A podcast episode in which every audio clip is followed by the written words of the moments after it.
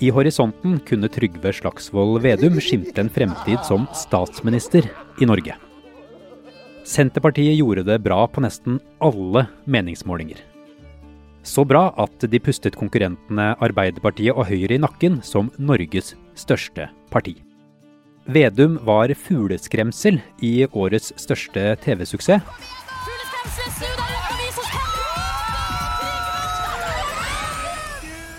Og fikk sin stemme hørt av hundretusener av seere. Så har jeg sunget med den stemmen jeg har, da.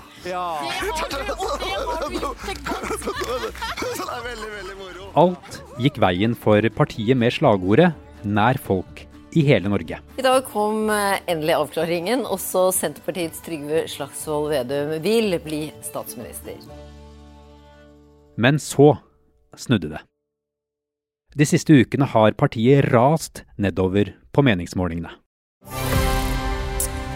For eh, ni måneder siden var Senterpartiet landets største på TV 2 si meningsmåling, med over 22% oppslutnad. Nå har partiet fallet på tre meningsmålinger på rad og er nede på 13% Hva skjedde med Trygve Slagsvold Vedum? Men det er så grunnleggende urettferdig. Du hører på Forklart fra Aftenposten, og jeg heter Andreas Bakke Foss. I dag er det tirsdag 31. august. Jeg har Erik Bye som sånn ideal. Eh, han er jo gammel, var jo gammel partivenn. Kona var jo veldig aktiv i partiet. Det er juli, og valgkampen er i gang. Denne solfylte dagen er Senterpartileder Trygve Slagsvold Vedum på tur til Dovre. Sammen med ham er kollega Anne Sofie Bergwall, som er politisk journalist her i Aftenposten. Altså, dette var jo helt i begynnelsen av sommeren. Eh, og Vedum skulle reise på en sånn siste valgturné før ferien begynte. Og den skulle gå fra Trondheim til Oslo via Møre og Romsdal eh, og Dovre i Gudbrandsdalen. Eh, og på dette tidspunktet sant, var jo eh, Senterpartiet i skikkelig medvind. Eh, de hadde gjort det veldig godt på målingene. Og dette her var en partileder som var proppfull av selvtillit. For han var jo ikke, eh, han var ikke bare en partileder som skulle presentere sin egen politikk og partiet sin egen politikk. Han var en statsministerkandidat som skulle presentere sitt prosjekt som mulig leder av landet. Og det var også grunnen til at Anna Sofie ville snakke med Vedum i sommer. For å bli kjent med statsminister Vedum. For det er ikke hverdagskost at noen som ikke er fra et av de to største partiene, Høyre eller Arbeiderpartiet, lanserer seg selv som statsminister. Vi ville bli kjent med han, og hvordan Norge ville se ut med han som statsminister. Og ikke minst hvordan han som statsminister skulle få gjennomslag for den politikken han ønsket, og hvordan en Vedum-ledet regjering skulle se ut. Og da tenkte vi hvor bedre å gjøre det enn på majestetiske Dovre. sant? Og det var jo helt nydelig vær denne dagen. Eh, det var eh, medvind eh, på fjellet der, eh, og vi så til og med moskusokser eh, langt borte i det fjerne der. Ser du moskus? Hva svarer Oi. Noen uker før moskusmøtet på Dovre så hadde Vedum foran sine egne medlemmer i Senterpartiet blitt lansert som den nye statsministeren. Jeg håper at landsmøtet kan gi sin tilslutning til det. Partiet ville at deres egen Vedum skulle lede en regjering bestående av Senterpartiet og Arbeiderpartiet, Norges største parti. Nå er jo Vedum en eh, temmelig blid person. Eh, og folk kjenner han jo som eh, en lattermild fyr. Men det var liksom noe litt annerledes med han denne gangen. Og jeg vet liksom ikke om det var de nasjonalromantiske omgivelsene med Dovrefjellet rundt, eller om, eh, om, det var liksom målingene som hadde satt seg i ryggraden. Men han gikk liksom litt rakere. Sant? Han var ivrig, han var engasjert når han fikk snakke om planene sine for en Vedum-ledet regjering. Og han snakket om det som om det faktisk var en reell mulighet. Sant? De drev og pustet Arbeiderpartiet i nakken på målingene. Og han sa ting som at det trenger ikke være det største partiet som får statsministeren. Eh, som er ganske overraskende ting å si. Eh, og han hadde en ganske tydelig, helhetlig plan for hvor han ville. Han var liksom mer statsmannaktig. Som om han faktisk kunne se for seg statsministerembetet og mentalt forberedte seg på det. Selvtilliten var med andre ord helt på topp. Og det er kanskje ikke så rart. For like før Vedum møtte kollega Anne Sofie, så hadde han fått en måling der Senterpartiet og Arbeiderpartiet bare var noen mandater unna å få flertall helt alene. På flere nasjonale målinger så hadde de snust på 20-tallet. Dette var jo en trend som hadde holdt seg siden vinter. Eh, og Der var det flere målinger som plasserte de godt over 20-tallet. Og det er mye til å være Senterpartiet? Det er veldig mye til å være Senterpartiet. Eh, for tidligere så har de ligget på eh, rundt 11 før det. På et tidspunkt i januar så var faktisk Senterpartiet større enn Arbeiderpartiet. Og det er jo ganske utrolig. Og noen målinger viste til og med at Senterpartiet hadde inne to mandater fra Oslo. Eh, og det er det lenge siden Senterpartiet har hatt. Så mye selvtillit hadde altså Vedum at han så for seg et liv som statsminister etter valget. Men det var kanskje også der på Dovre at noe av trøbbelet startet. For i intervjuet som han gjorde med Anne Sofie, så kom han med noen avklaringer som fikk mye oppmerksomhet. Og som skapte en del forvirring. Tidligere hadde nemlig Vedum unngått helt å svare på hva partiet hans mente med at de ville ha en regjering utgått av Senterpartiet og Arbeiderpartiet. Det eneste han gjentok, var Målet vårt er helt klart, og det er at vi ønsker en Senterparti-Ap-basert regjering. Det vet vi. Ja. Men er det uaktuelt å ha med seg? Ja, Vi ønsker en Senterparti-Ap-basert regjering. Det er det vi ønsker. Din nestleder sier det er uaktuelt. Ja, vi har vedtatt at vi ønsker en Senterparti-Ap-basert eh, regjering. Om de ville ha med SV for å få et rød-grønt flertall eller ikke, det var helt umulig å få ut av. Spørsmålet ble jo da, hvis Arbeiderpartiet og Senterpartiet ikke fikk flertall, hva ville de gjøre? Når han sier vi vil ha en Sp-Ap-basert regjering, så får velgerne avgjøre. Hva betyr det? Avgjøre hva? Hvilke valg er det egentlig velgerne står overfor? Og det var jo dette han for første gang åpnet seg opp om når vi var på Dovre. Når han da fikk fortelle hvordan hans drømmeregjering ser ut, så sier han det at det er en regjering som kan samarbeide på tvers. Det er en regjering med Arbeiderpartiet, enten de får mindretall eller flertall. Og hvis det blir mindretall, så er de villige til å gå over streken. Altså gå over til høyresiden for å få flertall. Og hvis vi da blir så opptatt av liksom, at vi ikke skal for samarbeide med Rødt i en sak, eller eh, KrF i en annen sak, fordi at det heter Rødt eller KrF, eh, da er han helt ute å kjøre, mener jeg, eh, da. Det er jo flere grunner til at disse uttalelsene vakte så mye oppsikt. For det første så har det jo vært et uavklart spørsmål om hva vedtaket fra landsmøtet egentlig betydde. Hvordan ville de forholde seg til SV? Ville de sette de på sidelinjen, eller var de villige til å gå i regjering med de, men at de bare ikke gikk til valg på det? Nå forteller han jo at de ønsker en regjering uten SV. Det er målet deres. Det hadde de ikke avklart tidligere. Og det er jo et problem fordi at Arbeiderpartiet helt tydelig har sagt at de vil ha med seg SV i et regjeringssamarbeid. De vil ha den klassiske rød-grønne regjeringen med Arbeiderpartiet, Senterpartiet og SV, for de mener det at det fungerte godt sist gang.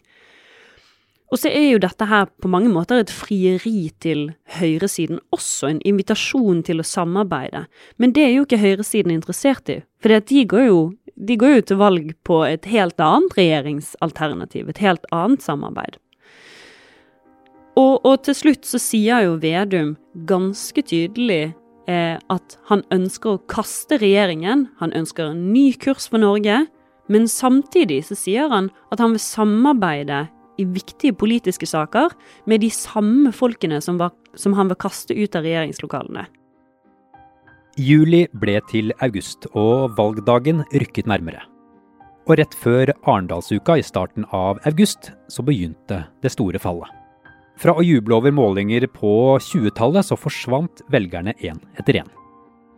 Senterpartiet raste som en stein på målingene, og de så plutselig tall som 11-12% Holde bunnen på å falle ut av Senterpartiet på målstreken. Så hvem har fått Senterpartiets velgere nå?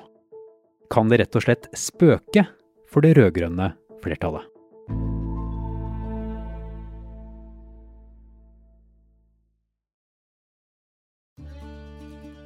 Andreas Slettholm, du er kommentator her i Aftenposten og har fulgt Senterpartiet den siste tiden. De var jo oppe på over 20% på meningsmålingene. Hvor hentet de velgere fra da? Da hentet de velgere i stor grad fra Høyre, Fremskrittspartiet og Arbeiderpartiet. Eh, det kan man se fordi når man gjør meningsmålinger, så spør man også hva folk stemte i 2017. Eh, og da viste det seg at veldig mange av de som sa at de nå ville stemme på Senterpartiet, hadde stemt på et av disse tre partiene for fire år siden. For hvor de hentet velgere fra da det gikk bra, det er viktig for å kunne forklare hva som er årsaken til det ekstra brå fallet de siste ukene. Senterpartiet har jo gått oppover og oppover på meningsmålingene helt fram til rundt juletider i fjor.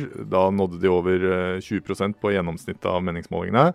Og så har de hatt en sånn svakt fallende tendens uh, i uh, mange måneder egentlig siden det. Og så har det blitt forsterket nå når valgkampen for alvor har gått i gang i august. Og dette minner jo egentlig om hva som skjedde med Arbeiderpartiet for fire år siden, der man også så noen sånne forvarsler i løpet av eh, vinteren og våren 2017, eh, og så ble det et eh, veldig dårlig valgresultat i september. Så om vi skal prøve da å forklare hvorfor dette fallet kom, så kan det kanskje være lurt å starte med partiets strategi i valgkampen. Senterpartiet har jo surfet på en slags sånn misnøyebølge, spesielt med distriktspolitikken. Det har vært mange sånne sentraliseringsreformer fra regjeringen. Og eh, lenge så så det også ut til å være veldig viktig for velgerne. Men så når det nærmer seg valget, så ser vi at eh, det, den luften i den ballongen er kanskje i ferd med å gå litt ut. Og, og, og veldig mange velgere sier nå at det er forskjeller eh, i samfunnet, ulikhet eh, og klima som vil avgjøre eh, valget deres. Og der har ikke Senterpartiet den samme fordelen. Spesielt klimapolitikken har jo vært vanskelig fordi Senterpartiet har posisjonert seg som et parti som i stor grad er mot klimaavgifter f.eks. Sånn at nå er det litt vanskelig fordi partiet forsøker da å snakke mer om klimapolitikken sin de siste ukene før valget, men det er jo, alle vet jo at det er veldig vanskelig å endre strategi rett før et valg. Et siste punkt tror jeg også at den dobbeltkommunikasjonen som Senterpartiet har bedrevet, har kanskje ikke vært så vellykket. På den ene siden så har de sagt at de veldig gjerne bare vil snakke om sakene og ikke om spillet. På en annen side så har jo eh, kanskje Senterpartiet spilt veldig mye, da, både med å lansere Vedum som statsministerkandidat og ved å gå for et helt annet regjeringsalternativ enn det eh, partneren sin vil ha, og den type ting. Senterpartiet lekker velgere, og Vedums statsministerdrøm kan bli et mareritt. Ordet krise brukes av flere i partiet. Senterpartiet er et viktig parti for de som håper på et rød-grønt flertall, og regjeringsskifte etter valget. Så kanskje statsminister Erna Solberg har en sjanse til å beholde jobben likevel? Ja, sjansene hennes er kanskje blitt ørlite grann større, men hovedtendensen er at Senterpartiet faller uten at velgerne går tilbake til eh, Høyre og Frp. Eh, sånn at det som har skjedd, er egentlig en forflytning av velgerne internt på venstresiden, hvor det er eh, SV og Rødt og MDG som egentlig går, går fram. Den største konsekvensen av det for politikken vil jo være at det nå er usikkert om den gamle rød-grønne regjeringen med Arbeiderpartiet, SV og Senterpartiet får flertall, eh, eller om de da vil være avhengig av Rødt, MDG eller begge partier. Skulle Senterpartiet ende på 12-13% så vil det uansett være bedre enn forrige stortingsvalg. Og så er det dette med målinger, da. Hvor sikre er vi egentlig på at de treffer?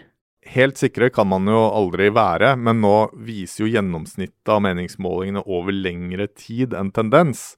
Og så er det jo viktig å si da at eh, selv om den tendensen kan være reell akkurat nå, så er det jo ikke sikkert at det blir valgresultatet heller, fordi veldig mange velgere bestemmer seg i løpet av de siste dagene, egentlig. Så mange som 10% av velgerne bestemmer seg på valgdagen, viste undersøkelsen i 2017. Sånn at her er det fortsatt veldig mye velgere i spill, og det kan godt være at Senterpartiet får en oppgang igjen på slutten og gjør et uh, enda bedre valgresultat enn de tross alt ligger an til uh, nå, da. Uansett om valget blir bra eller dårlig sett opp mot historien til Senterpartiet, så er faktum at de har mistet mange velgere som de hadde tidligere i år. Hva Vedum kommer til å bruke de siste to ukene før valgdagen på, er jo det som er det store spørsmålet. Når partiet mister velgere i alle retninger, hvem er det de vil jobbe for å redde? Sant? Vil de jobbe for å redde de velgerne de har tatt fra høyresiden, eller klimasenterpartistene som forlater de for andre partier på venstresiden? Så Vedum kommer ikke til å slutte å peke på seg selv som statsministerkandidat med det første? Overhodet ikke, for det kan han ikke. Eh, det var jo landsmøtet som for det første bandt han til det løftet om en Arbeiderparti-Senterparti-basert regjering, og det er også landsmøtet som har valgt han som kandidat. Men det sender nok et ganske tydelig signal når den kommende statsministerduellen foregår uten den tredje statsministerkandidaten.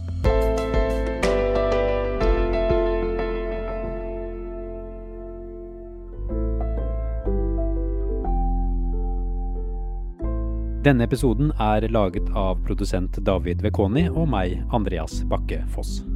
Resten av Forklart er Peter Dotland, Marit Eriksdatter Gjelland, Fride Næss Nonstad, Anne Lindholm og Guri Leil Skedsmo. I denne episoden har du hørt lyd fra VGTV, NRK og TV 2.